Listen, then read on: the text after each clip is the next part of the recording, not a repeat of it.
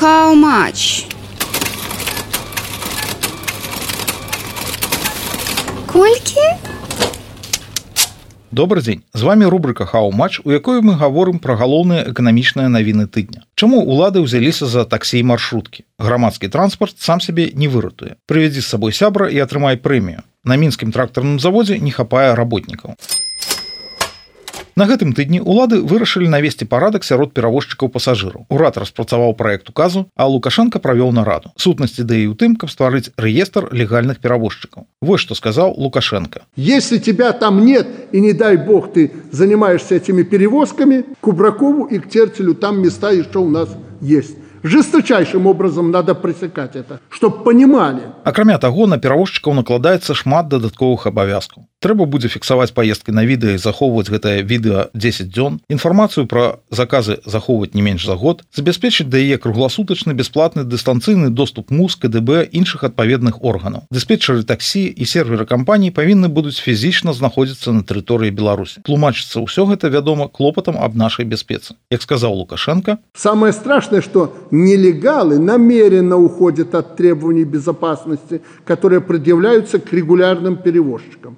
Наличие необходимой водительской категории и стажа. Людей возят все, кто хотят, а потом дзікія аварыі не ведаю можа сапраўды трэба нешта ўпарадкаваць можа быць бяспека ад гэтага павысіцца мяне крыху бентажыць іншае За ўнясенне звестак у рэестр, то бок за тое, каб дзяржава магла іх кантраляваць, павінны будуць заплаціць самі перавозчыкі. 37 рублёў на кіроўцу, 72 рублі на машыну і 3700 рублёў на кампанію дыспетчара. Нічога натуральнага тут няма. Чаму уласна таксісты кампаніі таксі павінны плаціць за тое, што дзяржава вырашыла іх упарадкаваць. Вось кожны раз, калі дзяржава вырашае дзесьці навесці парадак заўсёды дзеля нашага вядома добра, то яна гэта робіць увесь час за наш з вами кошт. Вось як тлумачыць Лукашенко. Выручку занижают, прячут, в конвертах зарплаты платят, налоги не платят в бешеных размерах. Але як плата за ўключэнне ў рэестр дапаможа змагацца з тым, што недобрасумленныя перавозчыкі заніжаюць выручку. Калі чалавек трапляе ў рэестр, дык ён і так ужо будзе плаціць падаткі. Якраз добрасумленныя перавозчыкі найбольш пацерпяць, бо яны будуць плаціць дзяржаве двойчы, а недобрасумленныя, якія не плацілі падаткі, яны і не будуць іх плаціць і за ўнясенне звестак у рэестр плаціць не будуць таксама.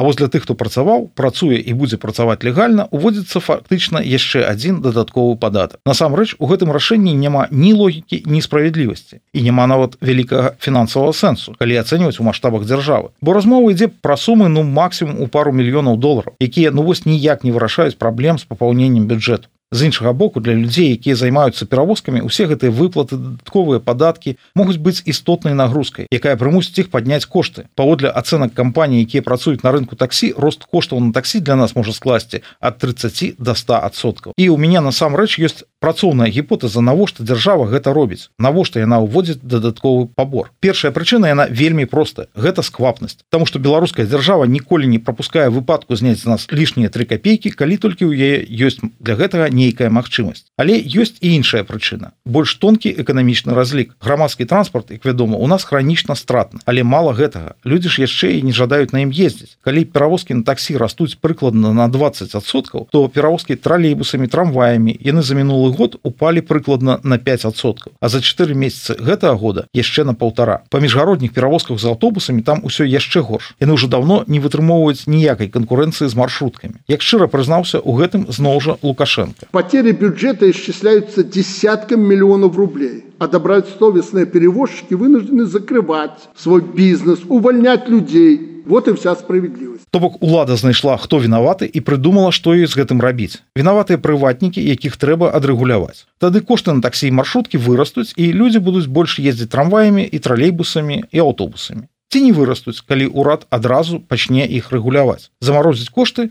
ды да і ўсё, не ў першы раз і зразумела што ніякаму грамадскаму транспарту гэта не дапаможа. Затое хтосьці застанецца без працы хтосьці без дадатковага заробку камусьці магчыма давядзецца сысці з рынку. Сумнеўныя перавагі ручнога кіравання эканомікай. Калі вырашаеш одну старую праблему а ўзамен атрымліваеш дзве новыя другая гісторыя якая мяне зачапіла на гэтым тыдні насамрэч таксама пра ручное кіраванне. А дакладней пра тое што ручное кіраванне ніяк не працуе. У тэлеграм-канале мінскага трактарнага заводу з'явілася аб'ява што завод будзе плаціць прэмію ў 500 рублёў за кожнага новага работніка. Ты працуеш на заводзе ты прывёў на завод новага чалавека і калі гэты чалавек адпрацаваў тры месяцы без нараканняў ты атрымаеш прэмію і зразумела што завод прызначыў узнагароду паляўнічым загаловамі не ад добрага жыцця а таму што інакш не можа бо людзей не хапае. Па розных ацэнках з беларусі з'ехалі ад 200 до 350 тысяч чалавек. І гэта ўсё не айцішнікі не блогеры дызайнеры і маркетолагі. Людзі бескарысныя з пункту гледжання беларускай дзяржавы. У той аб'яве ідзе гаворка пра токараў слесараў фрызіроўшчыкаў кіроўцаў. Бо з той стабільнасці якую ўлада сабе пабудавала з'язджаюць людзі ў незалежнасці ад прафесіі ці ўзроўню адукацыі. Па афіцыйных звестках літоўскага ўрада да дарэчы самая вялікая прафесійная група беларусаў у літве гэта якраз кіроўцы. Пакуль дзяржава думае як заняволіць студэнтаў вынаходзіць спосабы ўтрымаць дактароў з краіны бягуць будаўнікі слесары тыя ж кіроўцы. І трэба думаць ужо пра то як затрымаць іх.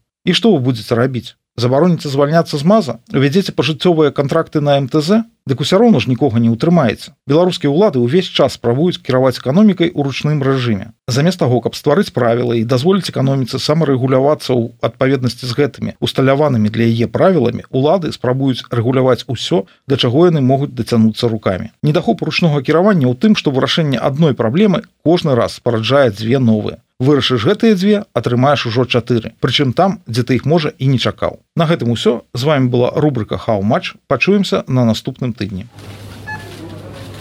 How much? Колькі?